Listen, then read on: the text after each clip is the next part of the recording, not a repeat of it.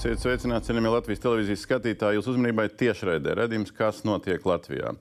Ir 602. diena kopš Krievijas pilnā iepruga iebrukuma Ukrainā pērngad un 11. diena kopš Hamas teroristu uzbrukumiem Izrēlai. Uzbrukumiem no galvenokārt no dienvidu puses, no Gazas joslas, kam vēlāk sakoja arī uh, ziemeļu puses uzbrukumu no Hezbollah teroristiem. Um, sekojušais ir nonācis tik tālu, ka gan Izrēlā, gan uh, Gazas joslā upuru skaits ir tu, skaitāms tūkstošos.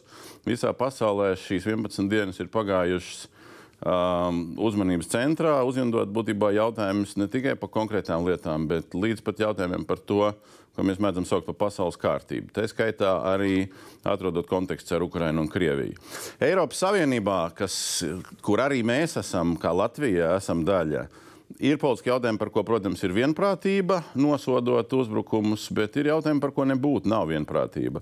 Līdz ar to šovakar uh, mēģināsim šķetināt uh, gan to, kas ir caur Eiropas kontekstu, tā skaitā, kā, kādas ir sabiedrības reakcijas Eiropā, dažādas, gan attiecībā pret Izraelu, gan pret Palestīnu. Nu, un, attiecīgi, konteksts, kāds ir Latvijas pozīcijas un Latvijas intereses visā šai sakarībā un pasaules kārtības nākotnes kontekstā. Sarunas dalībniekos vispirms aicinājām ārlietu ministru, kas būtu primārā amatpersona šai kontekstā. Ārlietu ministrs neatrada iespēju šovakar būt šai studijā. Ārlietu ministri ir deleģējusi vēstnieci īpašos uzdevumos. Baiba Braža, no vakar. Labāk. Vēl viena amatpersona politiskā opozīcijā šobrīd mums pie, pie, pievienojas attālināti šobrīd no Stokholmas, bet aizdītajās dienās pabijis vairākas dienas Izrēlā. Saimnes ārlietu komisijas priekšsēdētājs Rihards Kols. Labvakar! Labvakar! Um, Latvijas ebreju draugu un, un kopienu padomu, tāda organizācija, kas pārstāv un apvieno um, vairākas dažādas ebreju organizācijas Latvijā. Padomu pārstāv šī vakara sarunātās priekšsēdētāja vietnieks Dmitrijs Kurpņikovs. Labvakar! Um, veselības ministrs, lai gan šis status šī vakara sarunā droši vien nav primārais, um, bijušais, uh, līdz nesenam laikam bijušais saimas deputātu grupas uh, Palestīniešu Nacionālās padomas atbalstam vadītājs. Viņš arī biedrības Arābu kultūras centrs veidotājs Hosam Sabumerī. Labvakar. Un iepratīm viņiem trīs uh, pētnieki dažādās jomās vai ar dažādām specializācijām. Starptautiskās tiesības daudz tiek pieminēts. Rīgas juridiskās augstskolas lektori jau Miļūna. Vakar um, Latvijas ārpolitikas institūtā tuvo austrumu lietas uh, pētot un šķetinot un uh, arābikas lietas studējot arī aiz Latvijas robežām Sintī Broka. Un um, filozofs, kuru droši vien šokar ir jāpiesaka kā cilvēku, kurš uh, pirms dažiem gadiem uh, sarakstīja un kuram tika izdota grāmata uh, Terorismu krustugunīs, Islāma valsts, Marskuls. Labvakar! Es gribētu sākt, pirms mēs sākam šķietināt visas tās reakcijas un dilemmas un visas pārējās konkrētās lietas, sākt ar tādu atvērtu jautājumu, kāpēc notika tas, kas notika. Nu, vai kāpēc notiek? Tas, kas notiek. Protams, katra jūsu skatu punktu kontekstā. Un, um, nu, vispirms, tomēr tās Latvijas oficiālo pozīciju pārstāvošu amatpersonu versiju. Tad, tad, Gadu desmitiem nu jau ja, ir versija uz divām valstīm, uz versija par mierīgo līdzās pastāvēšanu starp um, Izraēlu un Palestīnu. Mēs, kā Eiropas Savienība, liekam teroristu sarakstos gan pieminēto Hamas, gan Hezbollah un tā tālāk. Un it kā pēc nu, salīdzinoši nosacīti mierīgiem gadiem notiek tas, kas notiek. Kāpēc? Kas nav noticis varbūt arī no rietumu puses, Eiropas puses tā skaitā? Breškundze. Jūs uz mani skatāties? Es skatos primāri uz jums. Jā. Labi.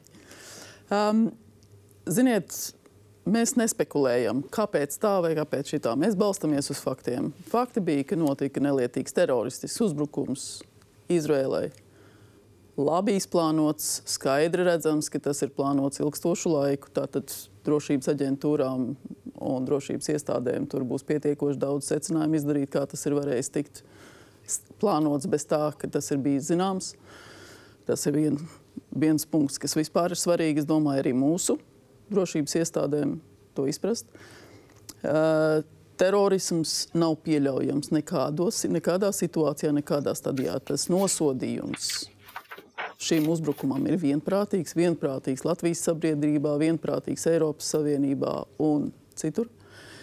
Protams, vienlaikus Izrēlē ir tiesības uz pašaizsardzību. Mēs to visi labi zinām.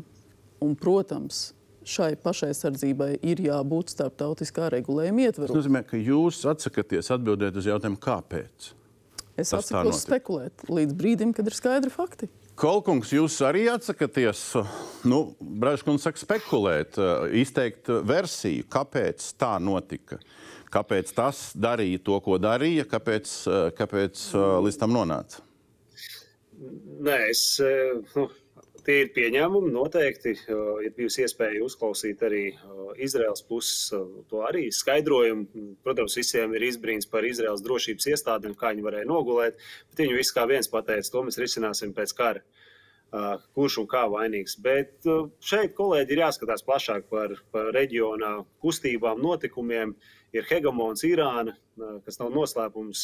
Tās valdošais režīms ir uh, mērķiecīgi izvērš džihādu re, reģionā, sponsorējot dažādas proksiju uh, teroristiskas organizācijas, tajā skaitā arī Hamas, kas kopš 20- 2007. gada ir iegūmis uh, pilnā kontrolē Gāzes joslu, kur Izraels uh, valsts ir pilnībā izgājusi ārā visus savus iedzīvotājus, pārmetinājusi uh, uz Izraelu, kas man bija arī pārsteigums dzirdēt, ka liekas, nu, jā, nu, jūs kaut ko varbūt izgājāt ārā, bet gan jau neatstājāt uh, visu to tukšu tā vietu. Nē, viņi pat, cik es saprotu, ir apbedījuma vietas uh, pārabedījuši savus uh, um, tuviniekus uh, no Gāzes joslas uh, Izraels teritorijā. Kolkungs, Bet šeit es domāju- kāpēc? Kas ir jūsu pieņēmumi? Jā, nu, ļa- ļaujiet, jā, es at- atvainojos, ka varbūt ir garš tāds ievads, bet tā ir diezgan kompleksa situācija. Tas konflikts tur ir vairāk kā 50 gadus.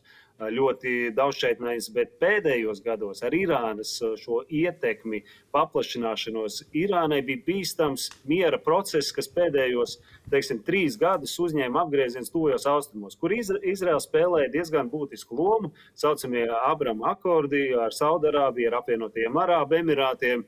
Un, uh, viņa nevar pieļaut. Nevar pieļaut, ka tādi būtiski spēlētāji, pieņemsim, aiziet uz samierniecisku politiku, uz, uz tādu savstarpēju sadarbību uh, un nu, iedarbina savējos uh, saucamos proksiju spēkus, ko viņi ir finansējusi, ko viņi ir apmācījusi, ko viņi ir ar militāro palīdzību nodrošinājusi.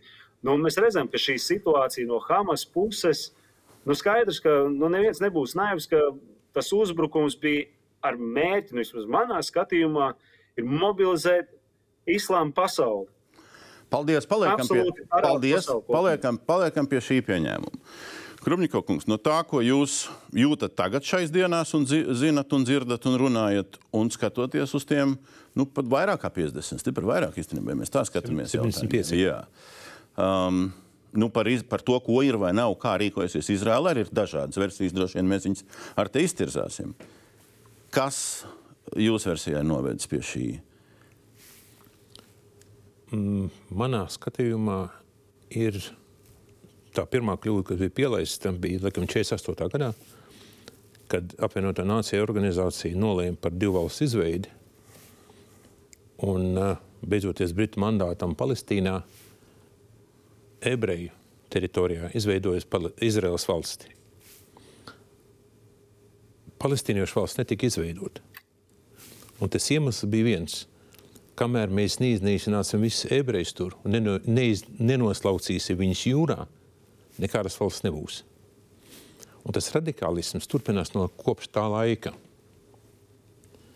Diemžēl Nu, it kā ir bijis kaut kāds miera periods, daudz desmit gadus, bet tas ir tikai tāds snaudošs nu, radikālisms. Snaudošs varbūt, bet uh, tas radikālisms viņš vienmēr uh, padara to situāciju grūtu, jo parasti radikāli pie uh, sarunu galda uh, dominē visās sarunās. Un tā bija tā problēma, kāpēc uh, vairākas arābu valsts, kas gribēja nodibināt labas, normālas attiecības, Izraela to nevarēja darīt, jo bija radikāli, kas tam pretojās.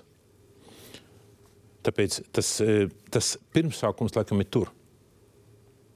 Un, un pēdējos gados tur nekāda speciāla iemesla, ko Kols saka, Pēdējais- Irāna. Es, es piln, pilnīgi piekrītu um, Rihardam Kolam, ka šobrīd galvenais spēlētājs, kas to visu ūdeni, ir Irāna, jo viņu, at, viņu, viņi zaudēs savu ietekmi tuvajos austrumos, ja Saudārābija noslēgtu arī pamieru, mieru izlīgumu ar Izraēlu. Jo Saudārābija, kā arī dažas citas arābu valstis, ir nogurušas no palestīniešu jautājuma, jo visi tie miljardi investīcijas, ko gan Eiropa, gan Amerika, gan citas valstis, to finansiālo atbalstu, ko dod gāzei, un ne tikai gāzei, tas viss ir aizgājis kur? Tikai ieročos. Nu, visu vai ne visu, to mēs līdz galam droši Nu, vien mēs redzam, ka nevaram. ļoti liela daļa aizgājusi tur. Un um, no 2007. gada Izraēlas premjerministrs izdarīja vienu ļoti nepopulāru, 2005. gada atvainojos, Izraēlas premjerministrs Ariels Šarons izteica vienu ļoti nepopulāru Izraēlā soli. Viņš pilnībā, pilnībā aizgāja no gāzes, sakot, dzīvojiet paši pa sevi. Mēs vairāk Ā, Tā vēl ir kļūda klāt, tad liekam. Labi. Hosams Abu Merī veido grupas ne tikai šajā saimā, veidoja grupu arī 12. saimā um, atbalstam palestīniešu nacionālajai padomēji. Tad kur tā radikalizācija, kur tie, ar kuri, kurus jāatbalsta? Un, protams, pieliekam klāt Libānas faktoru, ņemot vērā jūs, jūs izcelsmi no Libānas. Jā, protams, vispirms es esmu etniski arābs, un tas ir skaidrs, ka uh, jebkurā vēstnieks uh, no arabu pasauli, kurš brauc uz Latviju, vienmēr bija sadarbība vai tikšanās. Un, uh, un mums Latvijas oficiālas uh, diplomātiskais attiecības ar Palestīnu, ar Palestīnu ir ar Palestīnas pašpa, pašpārvaldes, kas uh, reprezentē palestīniešu tautas eh, viedokli par to, ka, ka viņi atbalsta, viņi vispirms atzīst, ka ir Izraela kā valsti, un viņi arī atbalsta jautājums par divu valstu risinājums, lai būtu miers process. Kamēr Hamas, kā kolēģis teica, ka viņi nu, nekad nevienu reizi neesam dzirdējuši, ka viņi atzīst, ka ir Izraela kā valsti, tas ir numur viens, un nekad nebija gatavi uh, uz dialogu vai uz mieru. Un Līdz ar to uh, veidos tāds uh, sašķelto to, to, to, to, to valdība, kas bija toreiz, un aizgāja uz Gazā, kur ir vairāk atbalsta Hamasam, un izveido savu valdību un savu milīšiju vai, vai organizā, militāra organizācija. Un uh, prezidents Abbas ar, ar savu pašpārvaldi un tā, viņš ir Ramalla uh, pusē. Un līdz ar to rietumu valsti, gan Amerikā, ASV, gan Eiropā, gan arī ieskaitot Latviju, mēs sadarbojam ar, ar Palestīnu pašpārvaldi un mums ir diplomatiska attiecība. Līdz ar to tā grupu veidošana, tas ir normāla process, kā mēs veidojam sadarbības grupas ar jebkurā valsts pasaulē. Labi, bet atgriežoties pie tā jautājuma, kāpēc? Kāpēc šobrīd Hamas un tā skaitā, kāpēc arī Hezbollah no otras puses kā Tāpēc ir atbalstītājs? skaidrs, ka, ka gan uh, Kolskungs teica, ka, ka mm, ja Suda- ja Saudi-Arābija parakstīs uh, miers uh, līgums uh, ar Izraelu, tas, no, tas nozīmē priekš uh, šīs organizācijas iespējams uh, uh, izdzīvošanas uh, termiņš uh, ilgstoši vairs nebūs, jo Mēs visi zinām, ka Sudārābija ir viens vi, vislielākais un spēcīgākais spē, eh, spēlētājs reģionā. Un, uh, viņš ir islāma pasaulē uh, nu, tāds simboliskā vietā, kur musulmaņi brauk. Līdz ar to, ja Sudārābija aiziet tik tālu uh, miera procesā ar Izraēlu, tas nozīmē visticamāk tas jautājums par, uh, par tā Palestīnu, ko viņi gribēja Hamas, un tā jautājums, ka Izraēla va- nedrīkst eksistēt, vairs nebūs uh, dienas kārtībā. Un mēs redzam, ka, ka arī Kolskungs teica, ka Bahrēna, Katarā, uh, apvienot Emirātu, viņi parakstīs, un, vi, un visticamāk viņi nebūtu parakstījusi, nebūtu zinājuši, ka Sudārāpia nākotnē iet arī ceļš uh, uz to pusi. Labi, nu padiskutējam. Kas šeit izskan, kas ir, kas ir pamatots, kas nav pamatots un kas šeit varbūt neizskan? Kāpēc situācija nonākusi tur, kur viņa nonākusi? Uz jautājumu, kāpēc tieši tagad, protams, vienīgie, kas varētu godīgi atbildēt, ir eh, Hamas eh, vadība. Viņi gan to nedarīs. Viņi pateica, Tāpēc Bet ne visam var arī- 73. Jā. gada 6. oktobra. kā- Uh, um, Un, uh, un tomēr jāsaprot, ka šajā brīdī tas, ko mēs varam darīt, tas viss ir spekulācijas. Tas, kas šobrīd izskanēja, ir, uh, protams, ticamas. Irānas faktors noteikti ir jāņem vērā. Gluži tāpat arī Saudārābijas faktors ir jāņem vērā. Tā ir realitāte, kas šobrīd izmaina diezgan radikāli reģionu. Uh, Un tomēr vēl viens apstākļus - Irāna neko nevarētu pasākt, ja nebūtu piemērota augsne. Ja? Un Tas, protams, ir jau cits temats par reģiona vēsturi. Uh, jau izskanēja tēze, ja, ka uh, faktiski jau konflikti ir bijuši gandrīz nepārtraukti ne tikai 50, krietni vairāk jau gadus. Ilgstoši ir bijuši, ir bijuši sācinājumi brīži, atslābuma brīži. Uh, lieta, kas pār no palestīniešu puses ir izšķirīgi svarīga, ka viņiem uh, sāk katastrofāli trūkst laika. Uh, teroristisku aktivitāšu veidošanā tas ir ļoti svarīga svarīgs moments. Uh, bieži vien uh, gluži vienkārši terroraktus ir jāveic tad, no viņu skatu punkta, kad tas ir iespējams. Uh, līdz ar to arī varētu spekulēt, ka gluži vienkārši Hamas redzēja, viņi gatavojas vienmēr, viņi redz, ka ir iespēja kaut ko tādu izdarīt, pievērst sev atkal uzmanību. Tik vienkārši. tas ir, bet tas ir pietiekami iespējams. Nu, kā starptautisko tiesību analītiķi, kas pirms dažiem gadiem rakstīja par miera plānu, tur apšaubāmību ar vidutāju starpniecību. Jā, es varbūt atkārtošu jau izteikto argumentu, ka būtībā tā ir nesamierināšanās ar vēstures faktiem. Tā ir uh, arābu pasaules nesamierināšanās, jo 47. gadā bija ANO miera plāns. Bija izteikti noteikts, ka no, būs divas valstis, jo tika izbeigts Britu mandāts pār, Palis, uh, pār Palestīnas būtībā teritoriju. Un 47. gadā uh, šis miera plāns tālāk rezultējās Izrēla dibināja savu valsti. Palestīna nekad to nebija dibinājusi līdz šim brīdim. Kāpēc tas tā notika? Nu, lūk, un šī ir nesamierināšanās ar to, ka ir divu valstu plāns, bija neskaitāmas pamiera komisijas, kas, kas no ANO tika sūtītas. E, Bija pastāvīga miera uzturēšanas misija Libānā, kas arī no ANO tika sūtīts. Bet būtībā e, e, tas, ko starptautisko tiesību speciālisti runā, ir būtībā šis sešu dienu karš 67. gadā, kad uh, Izraela tiek uzskatīts, ka okupēja teritorijas, palestīniešu teritorijas. Un veids attiecīgos pasākumus. Uh, protams, arī mūrēja tā, te, tā teikt, Palestīnas mūri uh, apkārt uh, rietumkrasta teritorijām, kas no ANO starptautiskās tiesas tika atzīts par okupācijas varu un pretiesisku pasākumu. Un to jūs visu savēlkat kā cēloņus šī gada oktobrim. Nē, tas vienkārši, man liekas, bija sporādisks akts, bet kas bija pietiekami ļoti, ļoti smags. Uh, uh, kam, protams, Izrēlai ir tiesības uz pašaizsardzību ANO statūta ietveros. Karš, sešu dienu karš 67. gadā notika starp Izrēlu, Jordāniju, Sīriju un Ēģipti. Palestīna tur nebija.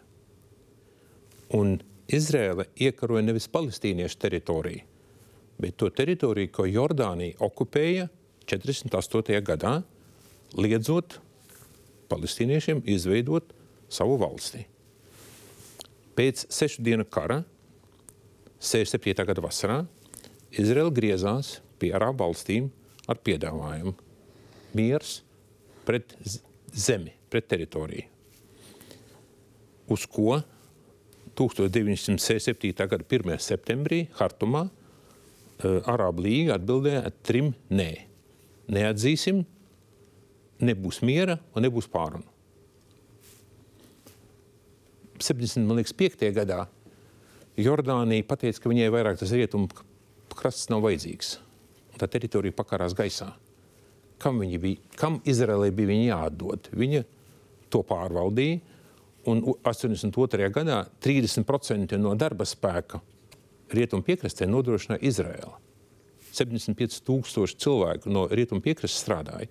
Likās, ka varbūt tas var virzīties kaut kādā veidā, ka tā ekonomika tomēr pārņems ideoloģiju, bet tomēr nepārņēma, diemžēl.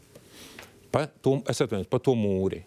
To mūri sāka celt Ariels Šarons pēc tam, kad Izrēlā bija pāris simt pašnāvnieku, kuri um, veica pašnāvības aktus Izraels teritorijā, jo līdz tam laikam nebija nekādas robežas. Rietumu piekrasts arābi brīvi ieceļoja Izrēlā un izceļoja no viņas. Un tāpēc viņi izmantoja to, ka nebija robežas, lai ieceļotu. Un tā, e, tas mūris, ko uzcēla, kaut arī viņš varbūt nav pārāk skaists, bet viņš bija vajadzīgs Izrēlai, lai aizstāvēties. Pēc mūra celšanas pašnāvnieku skaits faktiski aizgāja uz nulli. Jā, nē. Viss precīzi vai savādāk Jā, jāpaskatās. jā, eh, bet būtībā skatu punkts ir jāvērš uz to sešu dienu karu. Bez šaubām. Jo ta, to nosodīja ANO, un ANO noteica to, ka ir jebkuri spēki no Izraels ir jāatvelk.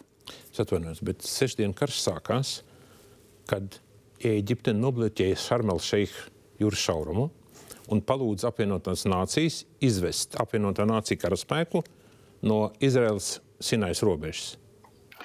Tādā veidā pavērot durvis karam.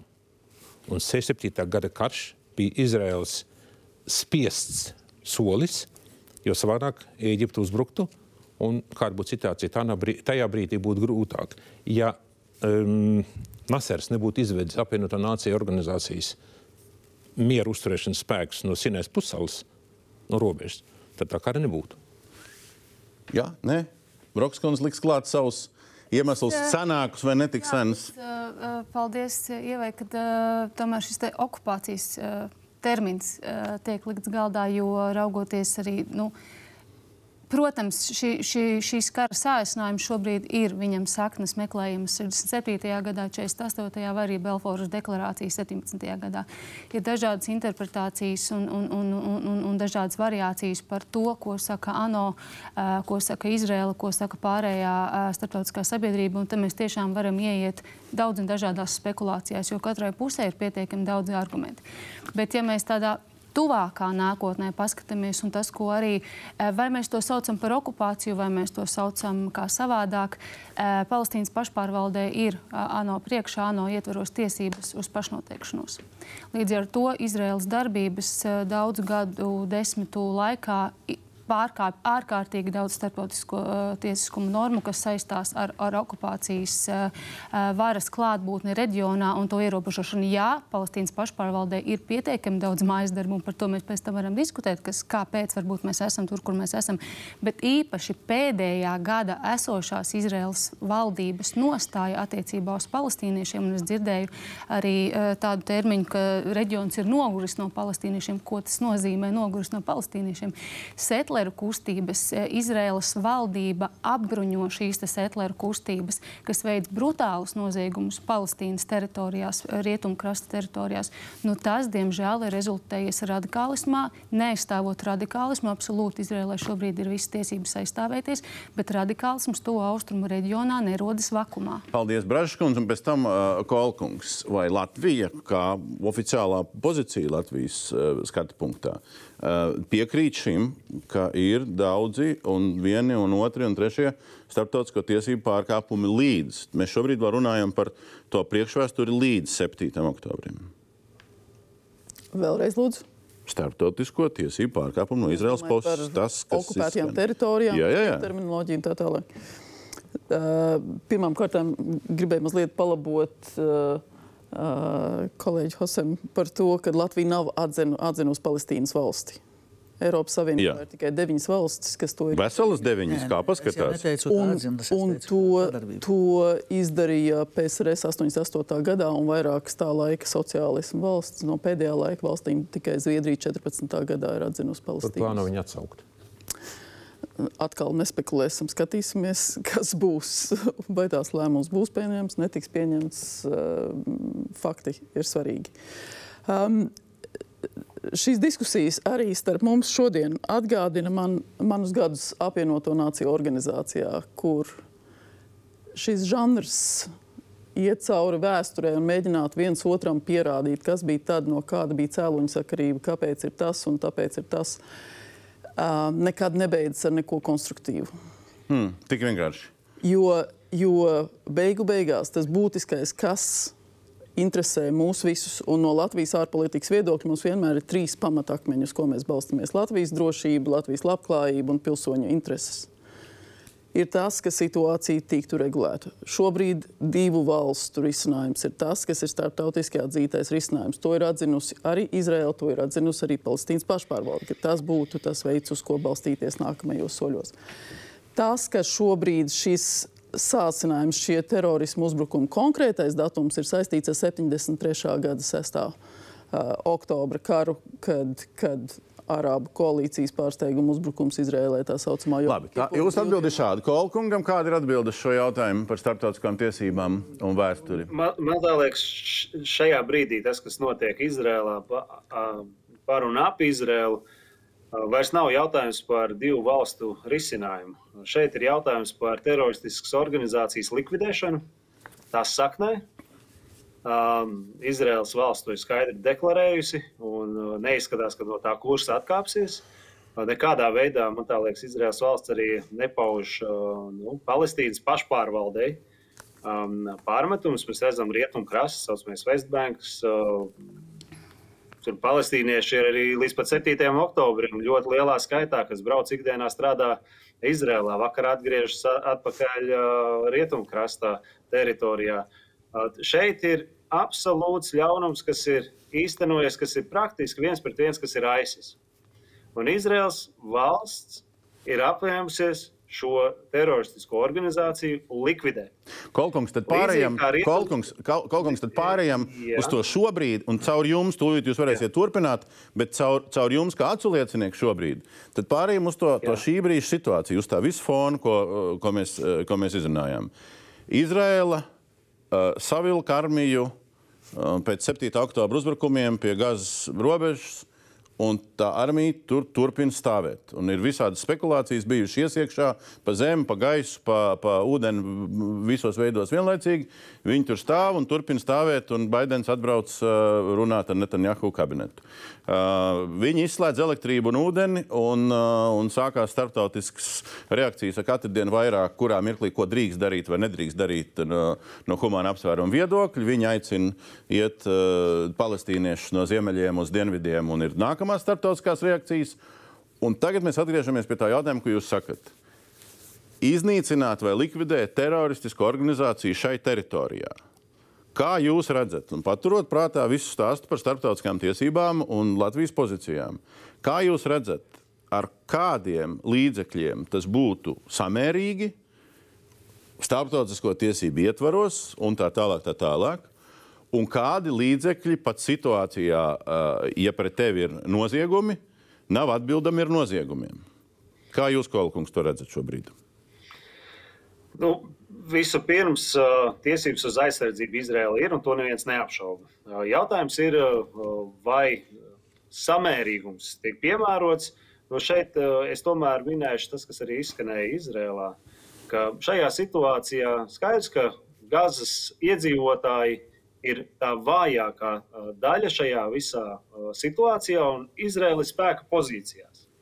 Un, nu, pasaules jau tā praksa ir, ka vienmēr ir aizstāvēt vājāko. Bet šeit Hamas, kas ir kontrolējis šo teritoriju kopš 2007. gada, ir praktiski uztaisījis gazas iedzīvotājus pa dzīvo vairogu - civiliedzīvotāji. Izraels valsts valdība pēc 7. oktobra ir skaidri definējusi, ka mēs iesim jums pakaļ pēc jums, pēc teroristiem, kas nogalinājuši vairāk kā 1400 civiliedzīvotājus. Ļoti barbariskā veidā, mežonīgā veidā. Kolkungs, kolkungs, vai jūs jā, to, es... vai ar to jūs sakat, ka Izraela ir tiesības rīkoties jebkādā nu, uz, veidā? Uz labi, man būs, man būs, es redzu, ir eksperti arī studijā, tad ir jautājums, kā rietumu pasaule um, nu, paziņoja, ka mēs iznīcināsim ISIS un ar kādiem veidiem. Un arī ISIS bija tie, kas iemetinājās apdzīvotās vietās, slēpās civ aiz civiliedzīvotājiem. Kolkungs, jūs atbildat visu saprotam, ka, pa ko ir runa?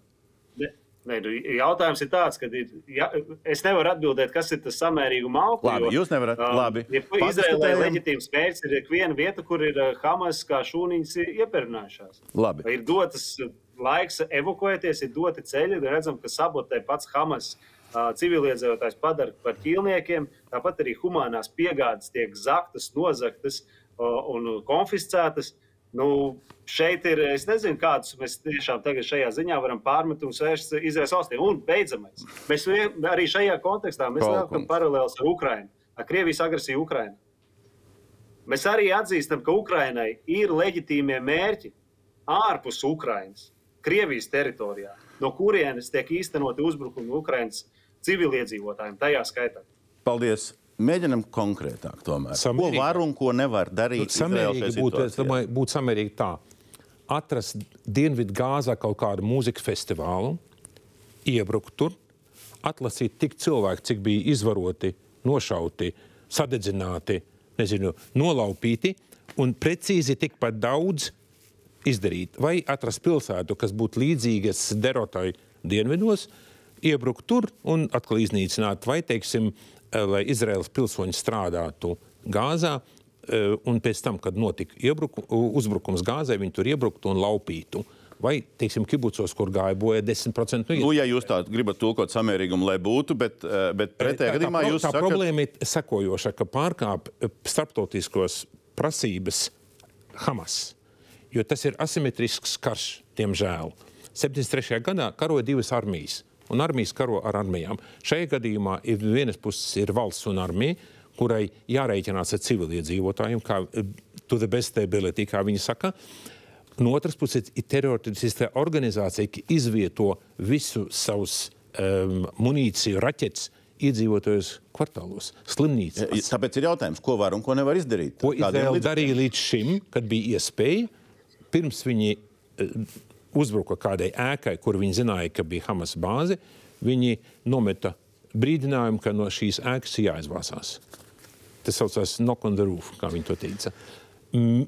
Tāpēc pēdējā kara, eh, kardarbība laikā Gāzā gāja bojā ļoti maz civiliedzīvotāju, jo tika brīdināti par to, ka tiks veikti uzbrukumi. Nu, ļoti maz ir vienmēr relatīvs jēdziens. Es saprotu. Salīdzinot uh, ar iepriekšējo. Kādas versijas, uh, ko var, ko nevar? Vēl tikko izskanēja, izskan uh, juridiski jēdzieni, samērība, okupācija un tam līdzīgi. Un tomēr jāpaturprātā, ka uh, no palestīniešu skatu punkta tas ir jautājums par izjūtām. Pat ja ir vai nav okupācija, uh, netaisnīga izjūta jau vajā šo reģionu ilgāku laiku, no tā paša 17. gada.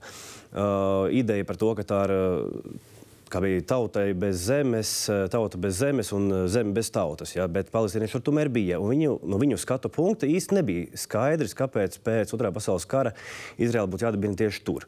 Eh, un kāda būs viņa loma? Tā kā nav jau gluži tā, ka būtu tikai vienpusēji viss šis konflikts jau ilgstoši ir bijis no abām pusēm diezgan uh, nepatīkams. Um, Precizējiet, jūs runājat par taisnīgam, netaisnīgam sajūtu palestīnietī. Hamas ir palestīnietis. Acīm redzot, jau ir. Uh, tas būtu jau nākamais temats, protams, kāpēc, kāpēc kādā brīdī līdz tam nokļuva. Ja? Uh, tā ir politikas vēsture, kāpēc viņi tik ļoti vīlās iepriekšējās vadībās. Ja? Tad viss uh, palestīniešu atbrīvošanas organizācija ar sociālismu solījumiem, kuri pilnībā izgāzās. Fatah un tam līdzīgi tās bija izgāšanās. Bet uh, nav jau arī tas tik uh, vienkārši, ja, ka jebkurš palestīnietis jebkurā brīdī var kādu sviriņu pagriezt uh, savas uh, vadības. Uh, uh, radikālismu. Jā, viņi ir iesprostoši šajā teritorijā, viņi dzīvo uh, līdzi tiem notikumiem, kas tur uh, notiek. Un tie nav, uh, tie nav pret viņiem uh, labvēlīgi par samērīgumu. Cita lieta, uh, netik senā vēsturē Irākā ir piemēri. Amerikāņu, amerikāņu armija uh, mēģināja rast risinājumu, ar, kad ar ieročiem tas nesanāk. Tad viens no viņu tādiem panākuma veiksmes stāstiem ir tā saucamā atmodas kustība, kura gluži vienkārši uzpirka drusku no filozofiskām līdzībām uz konkrētību. Elektrība, ūdens, aicinājums pārvietoties, zeme, gaisa, ūdens un starptautiskās tiesības teorijā un praksē. Nu, kas ir jūsu redzējums? Līdz ko sākas bruņots uzbrukums, ir piemērojams starptautiskās humanitārās tiesības. Un tajās ir noteikti principi. Pirmais - atdalīt civilos no militāristiem. Būtībā šai gadījumā ir ir ļoti grūti, jo šeit ir ļoti blīvi apdzīvotas teritorijas, tie, civilie tiek izmantoti kā aizsargi. Kā... Tur, tā, tur tā problēma. Nevis brīvi apdzīvot, blīvi apdzīvot teritoriju. Jā, civilie tiek izmantoti kā aizsargi. Nākošais princips - militārā nepieciešamība, kad drīkst izmanīt tikai tos objektus, kas dod kādu militāru labumu. Proti, militāros konvojus, piemēram, lidostas, kas var kļūt par militārajiem objektiem, ja militāristi to sāk lietot un, un tā tālāk.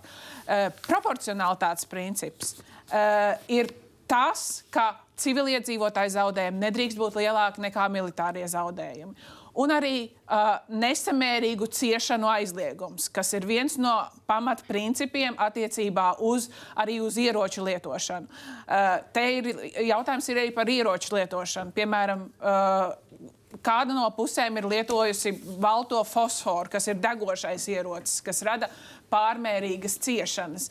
Nu, Tādi ir tie principi, kas humanitārajās tiesībās tiek piemēroti. Un tagad, nu, Kolkungs, tagad šī bija viena no atbildēm, varbūt Brešas kundzei arī. Es uzlikšu fonā to saimnes lēmumu, nu, kas lielā mērā Kolkungs ir nu, jūsu uh, līdzautorības lēmums, vai ne? Un tur ir tātad, uh, nu, vienā pusē ir tie pamatojumi, un otrā pusē ir uzstādījumi, otrā lapusē. Um, tātad, un ir runa par to, ka Latvijas saima um, uzsver Izraēlas tiesības un pienākumu saskaņā ar starptautiskām tiesībām aizstāvēt sevi pret šādiem vardarbīgiem, masveidīgiem uzbrukumiem. Tad tas, ko tagad Miljons kundze pateica, tas ir tas, ko Latvijas Republikas saima, tā skaitā jūsu personā, ir nolēmusi, vai jūs nolēmāt kaut ko citu? Tas absolūti tā ir sasaistīts. Un, uh, Nu, pirmkārt, ir jāsaprot, ka uh, Izraels valsts bruņoto spēku cīņa uh, īstenībā ir ar teroristisku organizāciju, ko Eiropas Savienība ir atzinusi par teroristisku organizāciju, kur metodas un taktikas ir tādas, kas nav konvencionāls karš uh, citu starp. Uh, nu, es gribu redzēt, kā šādas um, starptautiskās tiesības uh, eksperti piemēroja tiem pašiem ISIS kaujiniekiem, teroristiem. Uh, tiešām, jā, lika viņus saka, pie, pie likuma burta un ievērojiet lūdzu, šīs darbības. Šeit ir tas samērīgums, te ir preventīvās darbības, kas ir veikts no Izraēlas valsts puses, ko Krupņiko kungs jau arī minēja. Gan informēšana, gan arī pirms tiek uzlidojums veikts, tiek informēti. Tiek informēti Gazas uh, iedzīvotāji. Turpretī ir jājautā arī šeit, uh, nu, vai kāds informēja kibuts iedzīvotājus, festivāla apmeklētājus, par šādu uzbrukumu. Nu, es domāju, ka, un, un vēl papildus, mēs tagad arī nokoncentrējāmies uz Izraels gaisa spēku uzlidojumiem Gāzes joslā. Uh, bet tajā pat laikā neviens pat nepiemin, ka kopš 7. oktobra es pat jau matāku skaits ir nobrucis, cik tūkstošu raķešu ikdienas vēl turpina simtiem uh, palaist Izraels valsts virzienā. Es vēl atgādināšu, vakardien, jā, slimnīcā trāpīja raķeite. Jautājums, vai trāpīja raķeite no Izraels palaist, vai tā bija atkal Hamas organizācijas, teroriskās organizācijas kaut kādas misēklis. Bet 8. oktobrī Aškelonas slimnīcai raķešu uzbrukums. Vairāks, kur, tu, diemžēl, tas uh, dzelzceļa kupols nu, nespēja visas raķetes pārtvert un trāpīja un, un civiliem uh, medicīnas iestādē, kur ir ievainoti ārstēji Nu, arī neviens nekādu nosodījumu nepauda. Man, man arī ļoti interesē, ka, kā tā terminoloģija, ko mēs lietojam publiskajā telpā, Eiropas Savienība ir definējusi Hamas kā teroristisku organizāciju, ka mēs, mums, pieņemsim, sabiedriskie mēdīji saka, Gāzes veselības ministrija, Gāzes iekšlietu ministrija. Nu, tas ir kaut kāds vainīgs. Absurds. Mm. Ne, es nesaku, ka mēdīņi ir vainīgi. Mēs ne, nu, vienkārši jāsaprot, ar ko, ar ko kas ir Hamas. Ja mēs viņu definējam kā teroristu, paliekam, paliekam tomēr pie sevis, sevis aizstāvēšana. Un, uh, Kolkungs, būtu forši, ja mēs būtu lakoniskāki, mēs vairāk izrunātu šovakar. Uh, uh, paliekam pie tās sevis aizstāvēšanas. Divas lietas, uh, un, un te kolēģi var noteikti arī palabot uh, starptautiskais likums. Uh, nosaka uh, atbildības kā valstīm, tā arī neval, nevalstiskajām institūcijām, teroristiskajām organizācijām. Ja mēs vēlamies Hamasu saukt pie atbildības kā rietumu sabiedrības sastāvdaļa, kas balstās demokrātijā un likuma varā, tad mums ir visas tiesības vērsties pret, uh, notvert uh, kādos veidos Hamas līderus. Es šaubos, ka Hamas līderi šobrīd atrodas Gazā. Noteikti Kolkungs varbūt var informēt vispār, cik, cik ir liela Hamas armija šobrīd, lai mēs saprastu. Ne, nu kā, pirmkārt, Hamas Hamas ir politiskā daļa un militārā daļa, un viņi tiekās oficiāli ar Irānas ārlietu ministru un neslēpjas. Mēs varam, mēs varam arī tiesiskajā regulējumā saukt pie atbildības teroristiskās organizācijas. No otras puses, kas attiecas uz, uz Izraēlas uh, jau fiksētajiem pārkāpumiem šo, šo, šo 11 dienu laikā, uh, tur arī mums, kā rietumu sabiedrības sastāvdaļai, arī būtu jāsauc šī valsts pie atbildības konkrētās ANO institūcijās. Tas ir, protams, divvirziena ceļš un starptautiskais likums atrunā kārtību, kādā mēs varam cīnīties ar teroristiskajām organizācijām, un atrunā kārtību, kādā mēs varam uh, nosodīt. Nu, teorētiski valsti, atrunā uh, kas veids kara noziegumus. Politiskā griba tas ir tas aspekts, ko es šobrīd, diemžēl, rietums. Bet mēs jau ne par nosodīšanu, mēs par fizisku rīcību uz zemes konkrētā teritorijā. Nu, nu, nosodīt tas skaisti ir uz papīra. Rietumu sabiedrība šobrīd, uh, manā izpratnē, neredz šo robežu, kurā brīdī mēs atcaucās Kolkungs uz uh, Krievijas gadījumu. Tur mēs stingri iestājāmies par starptautiskā tiesiskuma regulējumu, par kara noziegumiem. Ļoti ātrā tempā mums uh, aizsūtījām Putina kungu uz Hāgu. Tas viss notika neredzētā ātrumā es, es, es neredzu, uh, kāpēc politiskā līmenī tas nestrādā šajā gadījumā. Un tā ir daļa no rietumu sabiedrības atbildības, tā ir daļa no atbildības, kas vainagojas radikalizācijā. Un tāpat laikā, kamēr deviņas valstis Eiropas Savienībā ir tikai atzinušas Palestīnu, 138 valstis pasaulē to izdarījuši. Ano, tas taisnība. Tā kā rietumu sabiedrība nav vienīgais ģeopolitiskais spēlētājs šajā pasaulē. Tas ir to, ko grib panākt Puķina kungs.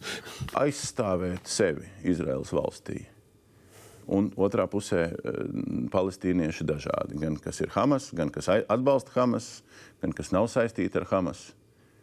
Kā jūs mērat, kas ir aizstāvēšana un, un robeža? Varbūt arī kā ārsts patiesībā šajā gadījumā. Saprotat, eh, diskusija ir ļoti interesanta šeit. Eh, es pats dzimis Libānā, un līdz 18 gadu vecumā es arī dzīvoju dažādas rajonos, arī ieskaitot uh, vienu, vairākas reizes uh, Libānas kāšu ar Izraēlu. Un es uzskatu, šobrīd pateikt, ka noteikti es pats, gan kā ārsts, gan kā politiķis, gan kā cilvēks, nosodu Hamasu terora aktu pret Izraēlu. Tas ir skaidrs. Par to mēs jau visi runājam, ka tas ir skaidrs. Bet jautājums šeit vai tas ir samērīgi vai nesamērīgi, es domāju, ka es, man nav iespējams to pateikt, kur tas samērīgums, jo katra puse ir savu, savas, eh, kā teikt, eh, attaisnojums, kāpēc to dara. Un eh, es uzskatu, jebkurā gadījumā no abas puses, ja šīs karas darbības turpinās, mēs vairāk tūkstoši cilvēku no abas puses varam zaudēt. Un šeit ir jautājums, ir ļoti svarīgi, kas, kas pēc tam šī kārs ietekmē visu rajonu kopumā. Jo es tagad eh, lasot nedēļu atpakaļ uh, arabu ziņas, kā bija sabiedrībā, kā apmēram 50-50, teiksim, 50% nosod, 50% klusē. Tagad, ja, jo karš e, turpina ilgāk, jo mēs redzam, tā publiskā e, viedokļa mainās, un tas var arī ietekmēt visu rajonu kopumā. Un ja šeit jūs, ir mūsu drošības Eiropā. Ja jūs piesaucat Libānu, uh, ļaujiet noprecizēt vienu lietu. Kā jūs, kā libānietis, redzat? Hezbollah. Mēs te atkal runājam par Hamas, Hamas, bet arī Hezbollah apšauda Izraelu. Un vienlaicīgi Hezbollah, tas politiskais spārns arī ir pie varas. Libānā. Protams. Un, principā, nu, Libānas virzienā mēs neapspriežam pagaidām tādas cīņas. Tad kā jūs tad novērtējat, kas tad notiek Libānā? Nu, sākot ar to, vai jūs nosodāt Hezbollah? Kā libānietis? Uh, jā, Libānas sabiedrība ir sašķelta jau sen, līdzīgi Izraela. Ir viena daļa, kas visu laiku uh, uzskata, ka Hezbollah, kā militārās mm, organizācija, ietekmē valsts gan arī kara jautājumā, miera jautājumā un arī politiski ietekmē. Un ir daļa, kas, protams, atbalsta Hezbollah un arī balso par viņu vēlēšanu un viņi ir savu arī uh, deputāti. Un tāpēc uh, arī viedokļi par Hezbollah, arī tāpat kā Palestīna, tāpat kā Arab pasaulē, ir dažādi. Daži uzskata, ka pārties, kas atbalsta vienu konkrētā uh, nu, libānieši viena daļa no tautā, un viena uzskata, ka viņš ir eh, tiešām militāra organizācija, kur Eiropas Savienība daži gadi atpakaļ ielikt Jā, tieši tā. teroristu sarakstā. Līdz ar to patreizēji Libānas valdības oficiāls no, no, aicināja ļoti nopietni, lai Hezbollah neiesaistītu kara darbības ar Izraelu pie robežas, un arī sāk nopietnas uh, uh, ko- kontakti. Es domāju, ka divas dienas atpakaļ Francijas ārlietu ministri bija. Tur viss notika tagad aktīvas diplomātiskas darbības, lai Libānā Hezbollah, īpaši Hezbollah neiesaist šo kāšu. Tas varētu Personiski Hosam Sabu Merī Jā. nosoda to, ko dara Hezbollah. Nu, jā, nosodu, ja, ja viņš, eh, nu, kā pārtie, kā politiskais pārties, es nevaru nosodīt, jo es, tāpat kā Latvija, es esmu viena pārtie pret otru pārtiju, bet eh, Latvijas iedzīvot, eh, Libānas iedzīvotāja viena daļa balso par viņu. Un es varu nosodīt. Ja Latvijā partijas nešauja raķetes. Jā, eh, bet eh, priekš šiem cilvēkiem, kā tā kā līdzīgi Hamas, ko mēs arī runājam šeit, ka ir viena daļa no iedzīvotāju atbalsta viņu. Ne tikai kā, kā Eiropas Savienība mēs, mēs rakstām, ka viņš ir terorists organizācija, viņa atbalsta viņu kā pārstāvis, kas aizstāvis eh, konkrēta Libānas, piemēram, eh, teritorijā. Un, un, un viņi tā tic, un ne es, ne jūs, neviens no mums nevaram mainīt viņu Kā, viedokli. kā tad jūsu nosodīto Hezbollah kā teroristu, kā tad viņu apkarot? Tad jau neiespējami. No, no divas eh, lietas, ko var Libāna darīt. Apkarot Hezbollah militāri, un tad tas ir pilsonis karš, ko otra puse liela, liela daļa no Libānas uh, iedzīvotāji negrib to darīt, jo, jo pilsonis karš tas nozīmē valsts piedod. Uh, bija kādreiz pilsonis karš, un mēs redzējām, kā bija rezultāti. Pirmkārt, jāņem vērā, ka starp Izraelu un Libānu nepastāv teritoriālie strīdi. Ko tas Jūs tā domājat, jūs tā domājat bet Nē, ir viena apvienot- daļa no libāniešu tā nedomā. Es atvainojos, ir apvienoto nāciju dem- demartēta līnija, robeža, kur ir starptautiski atzīta. Un Libānas Nē, nav valsts nekad starptautiskā. Tur jau šibā, šibā, Šeba ir šibā apvienotā nācija vēl nav. organizācija pateikusi, ka tā ir Sīrijas teritorija. ne, neviens neteica. Libāna, Hezbollah par- uzskata, ka tā Nē, ir nē, Libānas. Kungs, ir viena lieta šeit. Es Ir- atvainojos, es ir- atvainojos, Jūs es visu atvainojos. laiku runājat par, pa- pagaidiet, es arī gribu runāt. Es runāju vismazāk šodien. Es runāju vismazāk. Es runāju vismazāk. Par Ļaujiet pa vienam. Jā, pabeidzam. Bet es runāju, Lumburkungs, tad es vismazāk runāju. Bet, bet pārējās teritorijas, un par šobrīd notiek sarunas starp Libānu un Izraelu par gāzes atradnēm vidusjūrā. Ja? Tātad starp Libānu un uh, Izraelu nav teritoriāla domstarpība. Ja viņas arī ir, viņas tur tādas maziņas, ko no vienas puses atzīst, kas no neatzīst. Uh, Hezbollah nav iemesls karot ar Izraelu. Cita versija?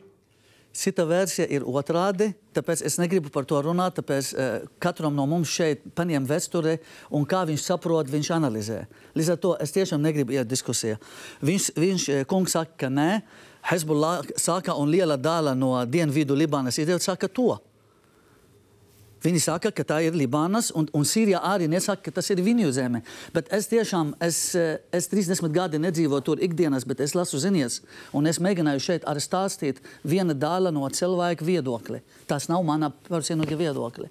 Bet viena daļa no cilvēka uzskata, ka viena daļa no Libānas šibā ir. Uh, Un Golāna, piemēram, tur, ko mēs redzam, tur uh, uh, ir arī okupētas, un arī viena daļa no Palestīnas, un kādreiz arī bija vēl Eģipte, kas jau tagad viss kārtībā. Tā doma Arābu pasaulē. Es runāju, ko cilvēki uh, domā. Mums arī jāņem vērā, ko cilvēki domā, jo tas var arī ietekmēt to mieru procesu uz priekšu. Labi, nākam, jādomā- nākam apakaļ no, no šitā reģiona, nākam apakaļ uz, uh, u- arī uz Eiropu drusku. Lūdzu. Tomēr pabeidzot arī mazliet par Hamas, vai nepabe, nepabeidzot, bet pieliekot papildus akcentu. Runa gāja par skaitļiem. Tie skaitļi ir pietiekoši iespaidīgi. 20 līdz 30 tūkstoši militāru karotāji apmācīti, apbruņoti. Irāna spēlē pietiekoši lielu lomu arī šajā jomā. Tomēr ir arī liels starptautisks portfelis naudas atmazgāšana, ieņēmumu gūšana, investīcijas citās valstīs, kas dod Hamas apzinātus ieņēmumus. Un tas ir tas papildus faktors, kur valstis var darīt, tomēr visas valstis diezgan daudz. Un, un no šīs vietas tagad, ko var darīt? Bet ļaujiet Amer, uzstādīt. amerikāņi jau izdarīja. Amerikāņi ielika galvenos Hamas finansētājus savā uh, Office of Financial Jā, bet tagad, bet, bet, tagad, bet, bet, tagad, bet tagad paskatāmies realitāti. Nu, tagad parādās jau publiski šie kadri, kad no tās Eiropas palīdzības naudas, kas bija Gazas joslai, nu, tās ūdens caurules ir izmantotas, lai šautu raķetes uz Izraēlu. Tas ir divus gadus vecs video pie tam. Tas ir īsts apstiprināts video. Jā, jā. Un tagad šī situācija, šorīt, tā skaitā Eiropas parlamentā, bija debats par rītdienas rezolūcijas eh, potenciālo balsojumu, kur, kur vieni lamāja Urzula Fonderlaina par to, ka viņa pateikusi, ka mēs trīskāršosim eh, to, eh, to palīdzību, ka viņai nav bijis pilnvars, citi atbalsta. Un uz šī fona tagad gan tajā rezolūcijā, gan Latvijas Republikas saimnes lēmumā, gandrīz līdzīgos eh, tekstos ir pateikts, ka uh, mēs, mums ir jānovērš, nu, mums tas domāts Eiropai, ir jānovērš jebkāda finansiāla atbalsta nokļūšana šādu organizāciju, tātad Hamas rokās. Nu, un kā mēs to novērsīsim? Jūs par tām ūdens caurulēm vai par finanšu līdzekļiem? Es par finanšu līdzekļu nonākšanu Hamas rokās, ar kuru mēs it kā atbalstam uh, nabaga Palestīnu. palīdzība, ko sniedz starptautiskā sabiedrība. Amerika ir lielākā palīdzības sniedzēja, sniedzēja ANO bēgļu uh, aģentūrai, kas rūpējas par palestīniešu bēgļiem. Specifiski tas iet ēdienām, tas iet medicīnī, medicīnas uh, līdzekļiem, tas iet slimnīcām, izglīt, bērnu izglītībai un tā tālāk. Tas nav tikai Gazā. Tas ir Palestīnā pašā, tas ir Jordānijā, Libānā un, un citās valstīs. Par to viņi tiek baroti, par to viņi tiek vismaz izglītoti un tā tālāk.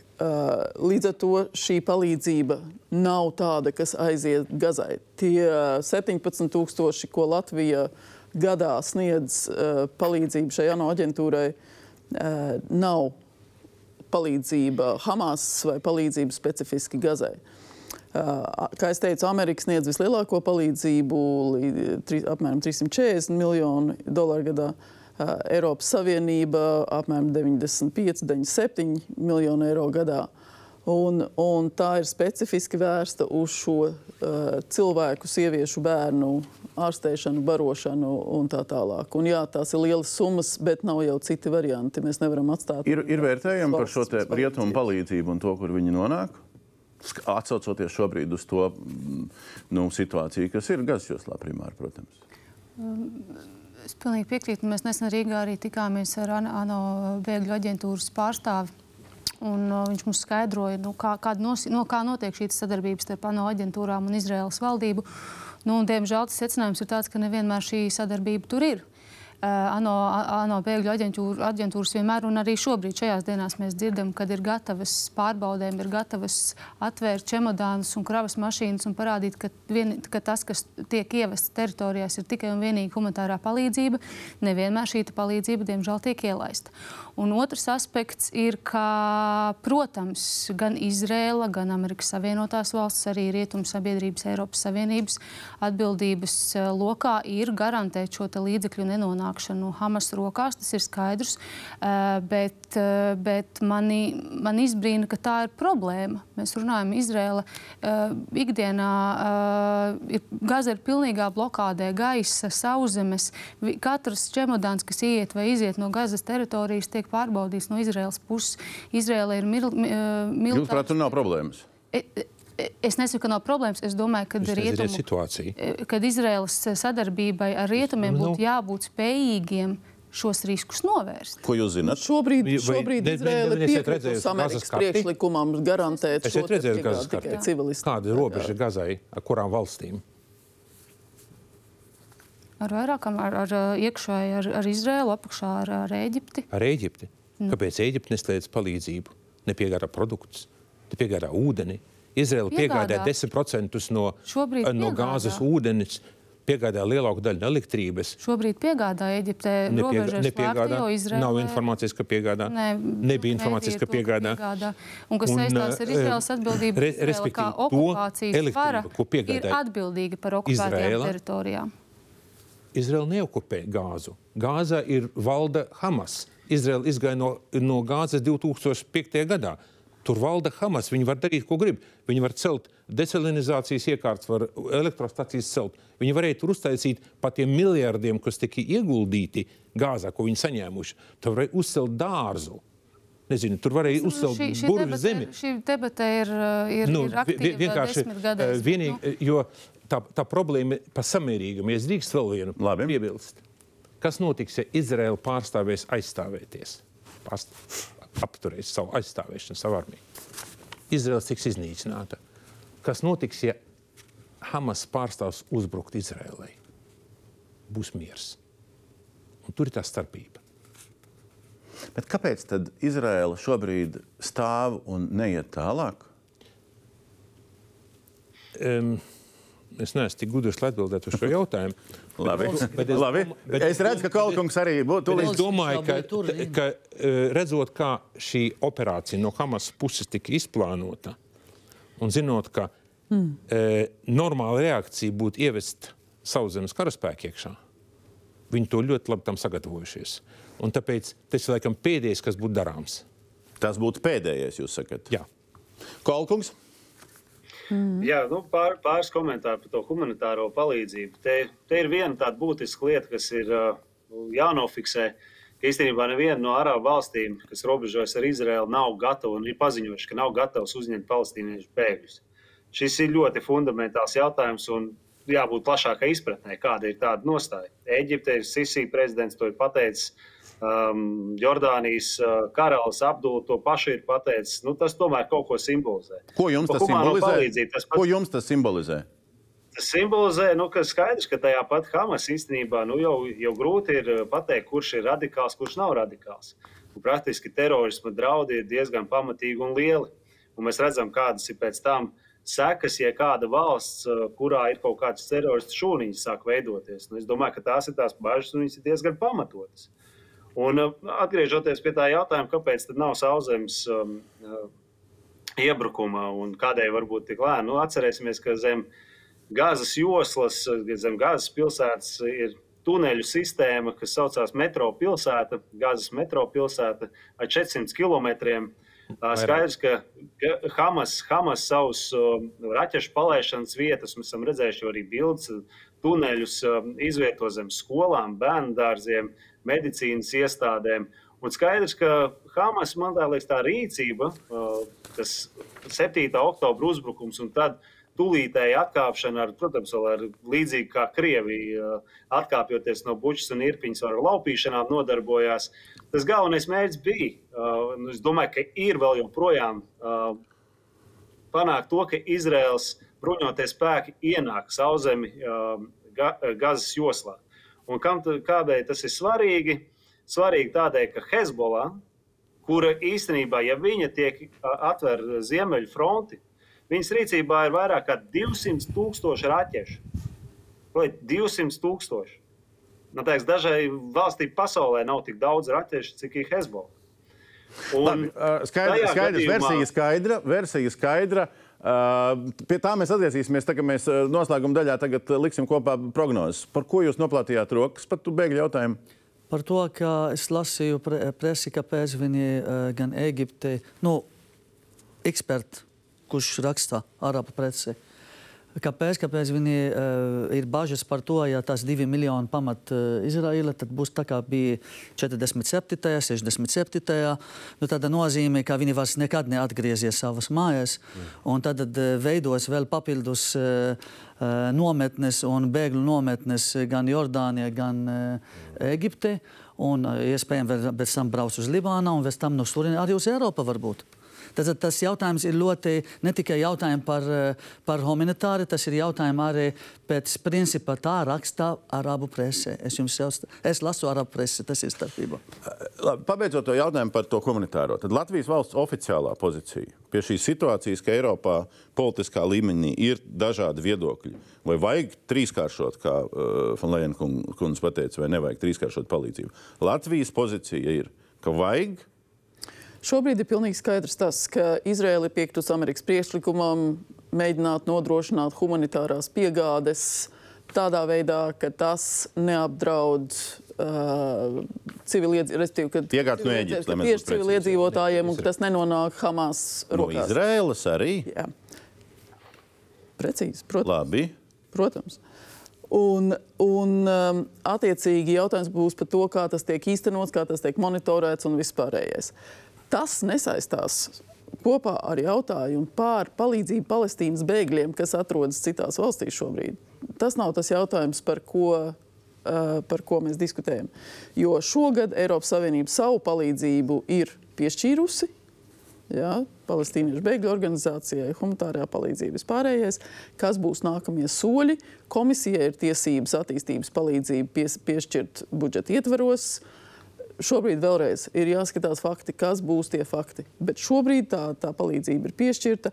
Protams, tas, ka tā humanitārā situācija ir, ir ļoti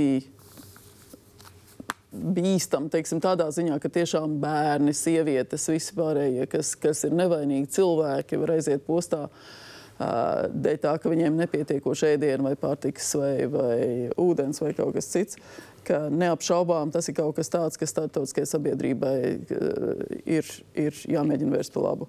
Un, un tas nesaistās. Labi, bet jūs paliekat pie tā, ka Eiropas komisija tiesības lemt, Latvijai pozīcijas tur īsti skaidrs nav. Nē, mūsu pozīcija ir pilnīgi skaidra, ka tajā daļā, kas attiecas uz mūsu maksājumu mano bēgļu aģentūrai, ka tas ir uh, pilnīgi, pilnīgi skaidrs jautājums. Par to mēs esam jau pielēmuši. Tas ir gadskārtais maksājums 17,000 eiro. Tas ir jautājums, konkrēti jautājums. Von Leyen un trīskāršošana no Eiropas. Eiropas komisijas budžets attiecībā uz uh, attīstības sadarbību, viņu tiesības to piemērot un veikt kaut kādas palīdzības maksājumus nesaistās ar dalību valstu mandātu. Labi. Atgriežamies uh, uz, uh, skat, ar skatu uz nākotni. Ļoti tuvu un iespējams, ka ļoti tālu un šausmīgi neparedzamu. Kas ir uh, versijas situācijā, ka te arī visos tajos oficiālajos paziņojumos turpina rakstīt par divu valstu risinājumu? Jautājums, kas ir galvaspilsēta vai ne, kam un tam līdzīgi. Starp jēdzieniem pamieris, nu, te parādās jēdziens pamieris kaut kur starptautiskos komentāros, lai gan jautājums, kā ar teroristiem Amerikāņi... var pamieris. Kādzo? Ko amerikāņi uzliek veto? Apvienotās nācijās izdomāt šodien. Jā, nu, iespējams, tas daudz skatītāju absolūtais vairākums nezina, par ko ir, un līdz ar to mēģinam runāt pilnos teikumos. Uh, kādi risinājumi, tiesiski, politiski, cilvēciski, nezinu kādi, ir iespējami jūsuprāt? Jūs man skatāties? Es skatos uz jums, jebkuru no jums trijiem. Te, te ir vairākas tēmas jau iezīmēs. Tikko pieminēts bija bēgļu jautājums. Tā ir ārkārtīgi vienkāršošana jautājums. Kāpēc zīmīgi, ka neuzņems? Ja? Es pilnīgi piekrītu Merija viedoklim. Ja palestīnieši ielaidīs, viņi nekad mūžā vairs neiesies atpakaļ. Ja? To arī būs beidzies. Kāpēc? Tā būs. Kāpēc jums jautā? Kāpēc? Uh, Izraela pārņem šīs teritorijas gluži tāpat kā Izraela nepārņems gāzu. Uh, Izraela grib iznīcināt gāzā teroristisku organizāciju un atdot gāzu uh, kā viņi izdarīja to 2005. gadā, 2005. gadā atvainojos, lai palestīnieši valda pāri sev. Uh, un tā, to es patiešām apšaubu. Apšaubu Setlera kustība ir parādījusi pēdējos daudzus gadus uh, citādu tendenci no Izraels valsts. Manuprāt, ir milzīga kļūda no viņa puses, kas pie miera uh, nevar, uh, nevar nest. Par šiem pašiem humanitāriem apstākļiem. Nu, Tas, protams, ir, ir konkrēts institūcijas, kas to nodarbojas, kas mēģina apturēt, ja, ka nonāk finansējums nepareizajās rokās, bet gluži vienkārši pilnībā to pārtraukt arī ir diezgan nu, taisns ceļš uz radikalizāciju, kur arī pasaules vēsture un reģionu vēsture ir parādījusi un pierādījusi daudzkārt. Manuprāt, tas nav īsti labākais risinājums par risinājumiem. Daudz tiek runāts par to, ka Hamas ir jānosod par to. Man liekas, neviens saprātīgs cilvēks vispār par to nav vērts runāt. Tas ir, tas ir noskaidrots, mēs esam vienojušies par to. Uh, bet ar to stāsts nebeidzās. Uh, Palestīnā, šajās teritorijās, ter, palestīniešu teritorijās, Gazā vispirms šajā gadījumā, ja, uh, ir daudz cilvēku, iedzīvotāji, konkrēti cilvēku dzīvi pagaidām. Ja. Uh, nu, ar viņiem kaut kas ir jāsarunā, kaut kas ir jādara. Tā jau tas ir. Viņiem, no šīs ir ļoti precīzi. Ar uh, viņiem ko tieši, kas ko pārstāv, ar ko runāt un nerunāt. Jā, uh, jo ir virkne organizācija, kas ir tajā sarakstā teroristu. Uh, Kolkunga tad, tad, uh, radītajā saimnes uh, lēmumā tur ir vēl viena organizācija, ko būtu jāiekļauj. Ar ko tad par, sarunāt? Par Hamas, par Hamas jūs jautājat pirmie arī, ja, vai, vai Palestīnas ir Hamas. Uh, viens aspekts uh, nav jau, ir krietni vieglāk uh, būt ar Hamasu, kamēr Hamas neko sliktu nesastrādā. Es negribētu ticēt, ka patiešām visi Gazas joslas iedzīvotāji ir milzīgi sajūsmā par to, ko Hamas tagad norganizēja. Ja par to patiešām uh, to kategoriski apšaubīja. Tā tas noteikti Uh, tāds noteikti nav, bet tas, ka, protams, tur ir cilvēki, kas atbalsta, arī, arī ir taisnība. To arī nevajadzētu nekādā gadījumā uh, noliegt. Risinājums uh, man gribās tādu mm, provokatīvu jautāt pārējiem, ja, kā, kā tad varētu būt. Vai Tiešām, kuri, kuri grib mieru?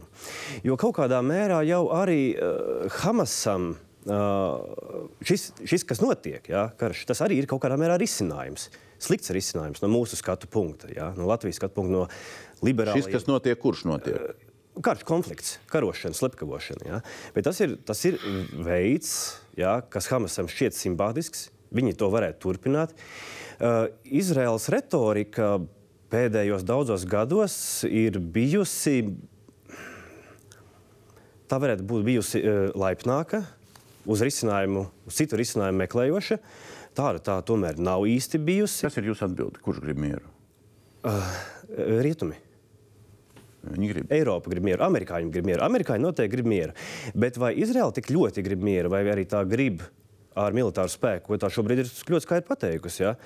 Um, tas ir ļoti bargs. Ko kurš grib, tā skaitā šodienas tas uh, balsojums, uh, Amerika uzliek ne veto ANO rezolūcijā, Brazīlija ja, bija autors. Mm. Un tur Lielbritānija un Krievija atturās. Ja, un tā virsraksta līmenī lasot, nu, tur, tur rodas arī jautājumi. Bet uh, jūsu jautājumu kontekstā um, un Hamas kontekstā pilnīgi mums visiem šobrīd, domāju, ir skaidrs, ka mm, Hamas realizētais terorakts ir nosodāms. Bet, uh, ja ir runa par Hamas iznīcināšanu, tad mums jāsaprot, ka tas ir praktiski neiespējami. Mēs nevaram iznīcināt politisko ideoloģiju. Mēs varam iznīcināt konkrētu cilvēku daudzumu konkrētā laika periodā, līdzi paņemt ārkārtīgi daudz uh, civiliedzīvotājus, un mēs tāpat balstoties uz šo pieredzi, pēc pāris gadiem būsim turpat, kur mēs esam šodien. Tāpat kā mēs šodien esam turpat, kur mēs bijām uh, 14. gadā, 20. gadā Gazas bombardēšanā un vēl Nu, senāk. Pagaidiet, pagaid, bet nu, ir organizācijas, kuras tā kā nīcināja, ne ātri gāja ar viņām, bet nu, tomēr tā kā Bet panīcināja. šeit vai ne? tas, tas, tas fundaments ir tajā, ka cilvēki tiešām tic, un mēs neesam pieskārušies šodien jautājumam par Palestīnas pašpārvaldes uh, vājajiem punktiem, kas noteikti tur ir un kas būtu leģitīmi palestīniešu tiesību aizstāvju starptautis- starptautiskajā sistēmā, bet tas diemžēl nenotiek. Un tad lūk šis te.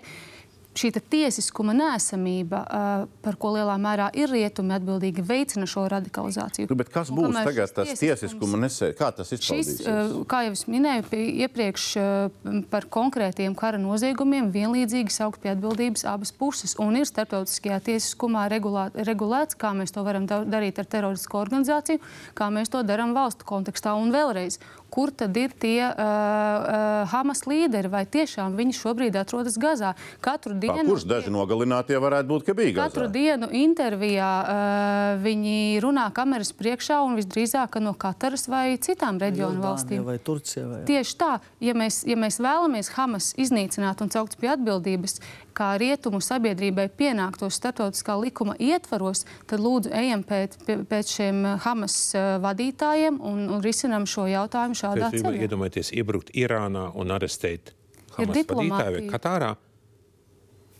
Kas to darīs? Bet, bet, bet bombardēšana Kas to darīs? tas ir diplomāta uzdevums, tas ir politikas veidotāju uzdevums. Diplomāta uzdevums? Jūs esat gatavi uzņemties to? Es nerunāju par Es kaut, ko- es, militāro. es kaut ko tādu neesmu dzirdējis. militāro Go-. Godīgi sakot, par Eģiptes nostāju eh, sas- saskaņā sakarā ar bēgļiem.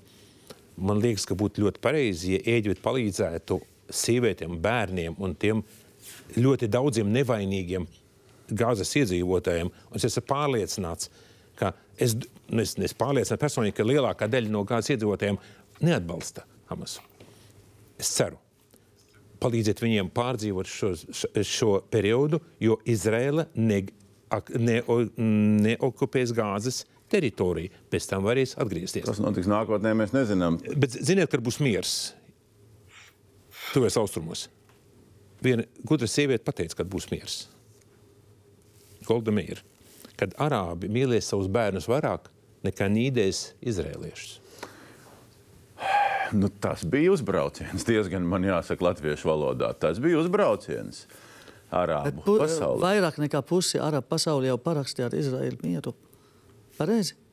Līdzu valsti gandrīz visi palika to Jordāna parakstīja, Eģipte parakstīja. Ja? Nu, tad, tad kur problēma tas? Es nedomāju, ka pareizi, ko jūs tagad teicat. Jā. Vai, vai jums šķiet pareizs tas uzstādījums jautājumu, kurš grib mieru? Un ko jūs sakat par to, ka Hamasu vispār iznīcināt nevar kā ideoloģiju? Jā, es esmu pārliecināts, ka ne visi Gazas iedzīvotāji atbalsta Hamas. Vienkārši cilvēki dzīvo konkrēta vieta, viņiem ir viena vieta, kur jādzīvo. Un viņi dzīvo tam, tam, līdzīgi arī Irāna. Daudz cilvēku neatbalsta režīmu un dzīvo Irānā. Jā. Bet jautājums, vai var iznīcināt Hamas kā ideoloģijas, nu, nu, grūti pateikt. Grūti pateikt, jo tiešām. Uh, Mēs redzam, ka tā līderi viņi visticamāk tiešām nav, nav, nav tur jā, uz vietas.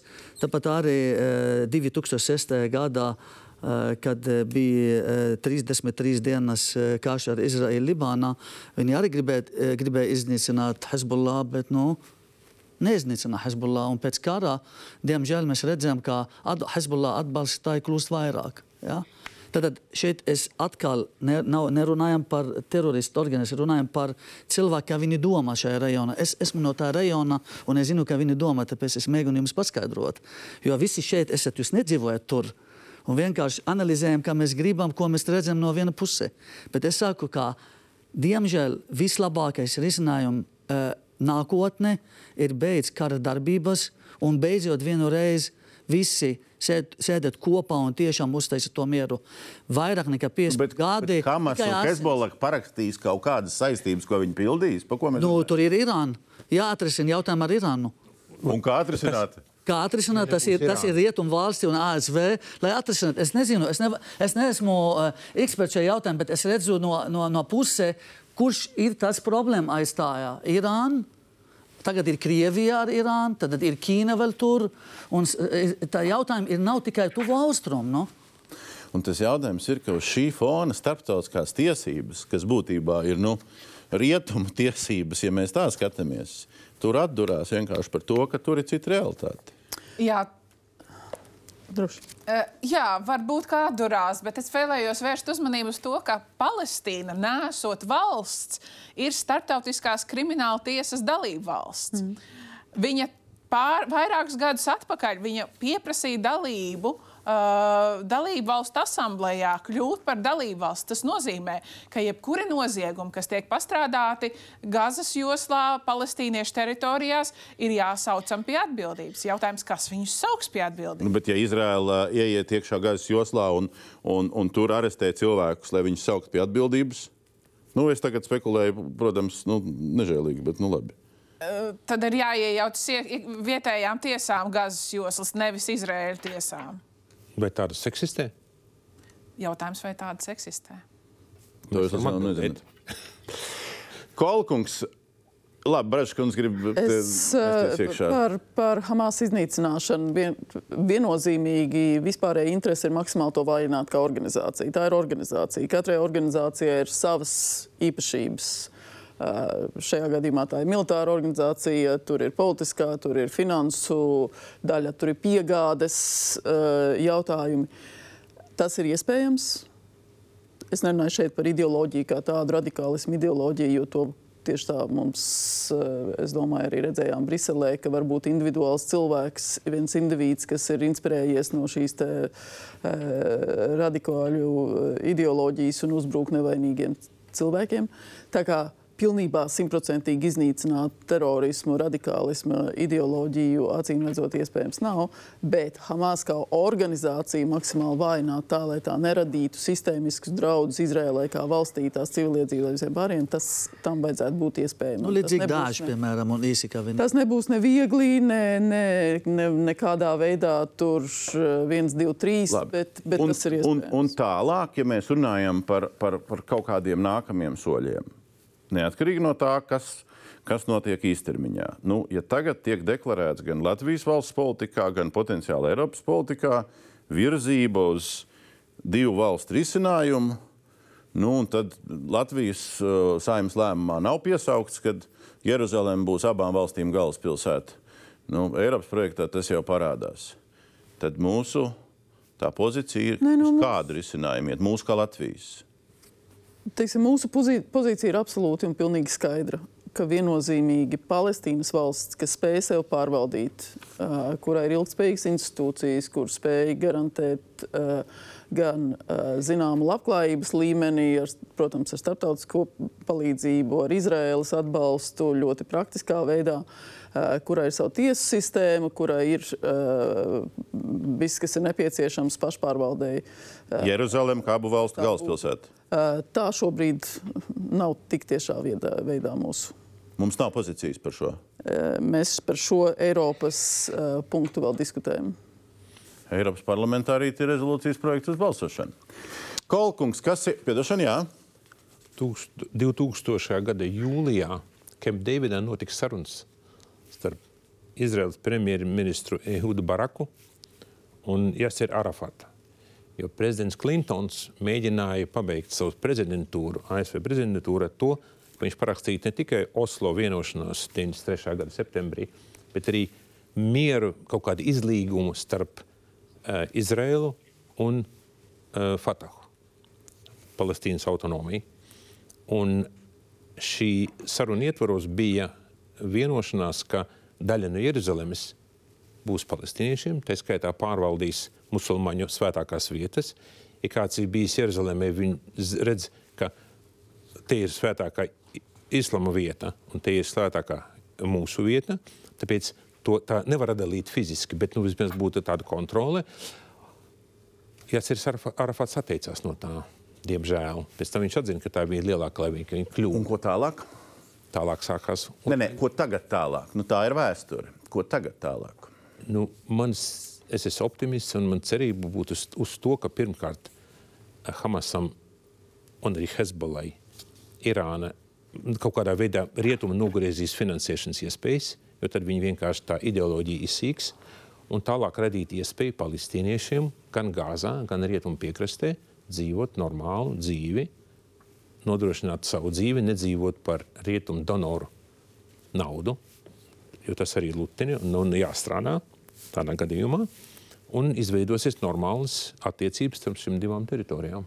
Tas ir optimistiskais skatījums. Kolkungs, kādus jūs redzat risinājumus un nu, optimistiskā un pesimistiskā droši vien versijā?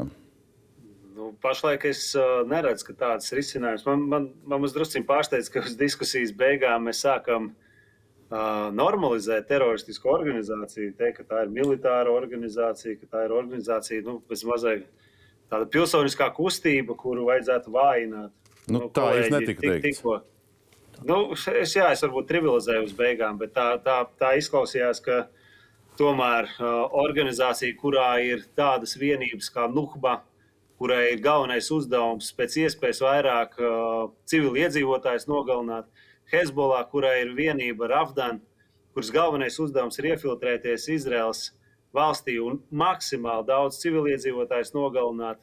Bet kas ir risinājums? Kādu, Ko, kas ne, ir jūsu es, versija? Es, risinājums, es, es redzu, ka īstenībā risinājums tūlītēs nekāds uh, strauji nebūs. Ne, ne, nestrauji. Uh, nestrauji, bet mēs nepies, nepieskārāmies, saprotu, ka raidījums droši vien beigām iet, bet ļoti būtisko spēlētāju, kas arī iegūst no visas šīs situācijas destabilizēšanas, tā ir Krievijas federācija, Krievija, kur citu starp ir ļoti aktīvi bijusi Sīrijā. Ar savu teroristisko organizāciju Wagneriešiem, kuri citu starp apmācījuši Hamas. Tāpat arī tagad ienāk ar ziņas par kriptovalūtas pārskaitījumu, finansēšanu Hamas. Šis ir daudz, daudz plašāk nekā.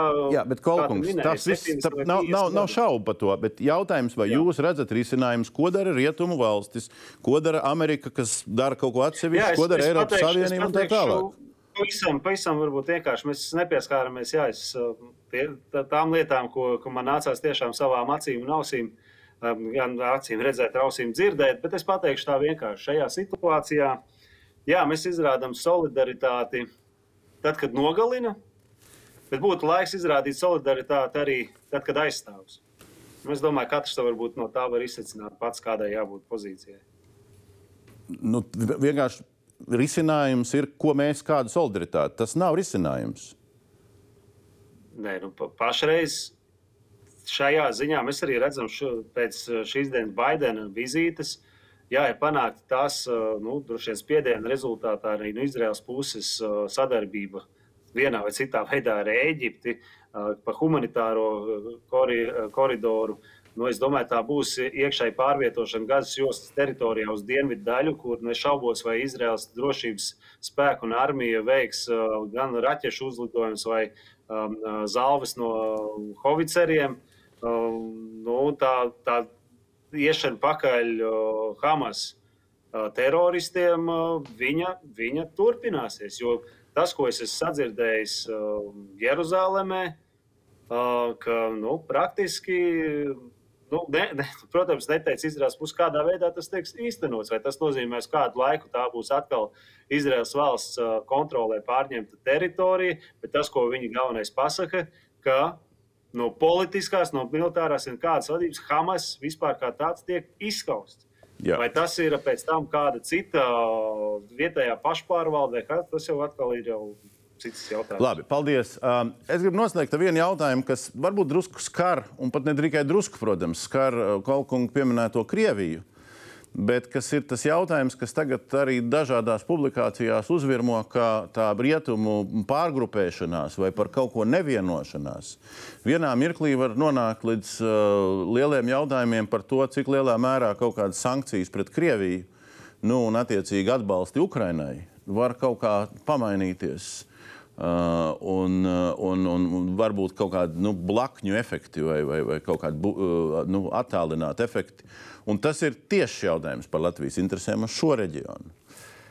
Kas, jūsuprāt, būtu no Latvijas, nu, subjektīvi, protams, no Latvijas interesu viedokļa svarīgi šajā visā nu, kūlenī, kas šobrīd ir?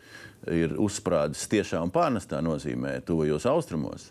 Kas būtu no Latvijas interesu viedokļa primāri būtiskākais? Domā, savēlkot to kontekstu līdz pat uh, rietumiem un rietumu attieksmēm pret Krieviju. Kolkungs, sāciet to riņķi, bet mēģinam lakoniski. Uh. Viennozīmīgi demokrātiskai pasaulē ir jābūt uh, plecu pie pleca. Mēs redzam, ka demokrātiskās pasaules līderis vēl joprojām un neapgāžami ir Amerikas Savienotās valstis. Uh, Tas nenozīmē, protams, akli skriet viņa politikai, bet nu, mēs redzam, kādu lomu spēlē. Un mūsu vislielākais risks um, ar šo situāciju ir tas, ka ASV fokus pazūd ne tikai no Ukrainas, bet arī no mūsu reģiona. Tajā skaitā pārvirzās uz tuvajiem austrumiem, un kur nu vēl sliktāk, uz tālajiem austrumiem. Tā kā šajā gadījumā mums ir pamatīgi jākoordinējas ar NATO dalībvalstīm, Eiropas Savienība politiski, mēs jau redzam, viņa ir fragmentēta jau to, ka deviņas valstis ir atzinušas Palestīnas valstiskumu, un Eiropas Savienības kopējā pozīcija tomēr oficiālā ir divu valstu sistēma. Tad jau tur jau ir konflikts iestrādāts pats par sevi. Paldies! Vēl jāpiemina, ka Amerikā vēlēšanas vairs nav galīgais kalniem. Kas ir versijas par Latvijas interesēm?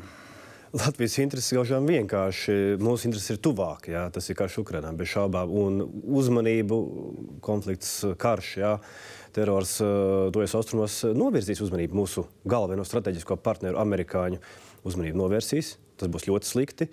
Amerikāņu strateģiskie partneri Izraela kopā tas viss uh, uzmanību novērsīs tādā ziņā, kā jūs teicat, kam interesē miers. Mums tas interesē, tas mums ir uh, svarīgi. Es neesmu tik drošs par uh, reģionu lielvarām, ja, vai tām negribās nedaudz sakustināt uh, tektoniskās plāknes, skatoties, ka ja nu kaut kas, uh, kaut kas sanāk, kaut kas jauns. Ja. Jo nu, spēcīgi spēlētāji Saudārābija, Irāna, jā, tām ir ambīcijas. Ja vēl pirms gadiem, 20, 30, 40, tās bija topošas valstis vai nezinu, attīstības valsts, tās kļūst ambiciozas, tās grib citādāk. Paldies, ko liekam klāt pie šī. Uh, nu man arī tā, tā vīzija ir gaužām vienkārša. Uh, esot pētniekam Latvijā, rietumu sabiedrībā, esot rietumu um, pilsonai, uh, man, man, man tiešām ir grūti noskatīties uz šiem dubultajiem standartiem, ko mēs kā rietumu sabiedrība praktizējam.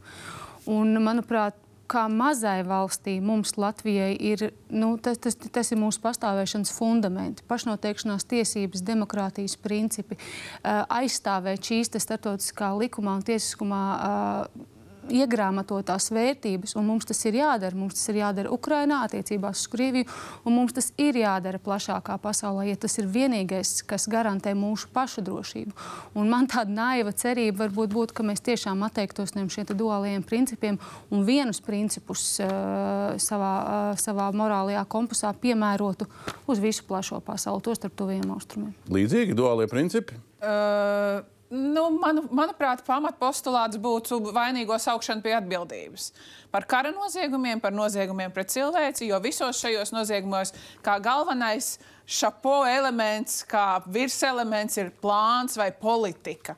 Kur noteikti gan, gan Ukraiņas gadījumā, gan Gazas gadījumā ir bijis plāns vai politika.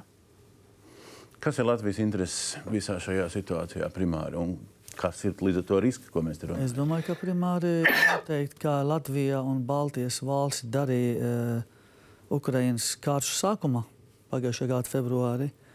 Ir jāturpina runāt par to un atgādināt uh, gan Eiropas Savienības, gan arī apdroti, ka tomēr vēl karš notika Ukraina un, un Krievi vēl turpina savu uzbrukumu katru dienu. Uh, Un lai vienkārši šī karš eh, un konflikts, kurš ir jau gadiem ilgi tuvo austrumu, austrumu rajonā, lai neietekmē to atbalstu gan finansiāli, gan arī, eh, gan arī militāri. Ja, jo eh, mums, kā rajona drošībā, pirmā vieta Latvijā ir, ir karš Ukraina. Es domāju, ka mūsu intereses galvenais ir miers, jo karš posta. Un šis karš bez šaubām um, galvenais um, uzvarētājs no visas šīs situācijas šobrīd ap Izraēlu ir Krievija, jo tas vājina uzmanību Ukrainai un nedod Dievs, tas, tas ilgs.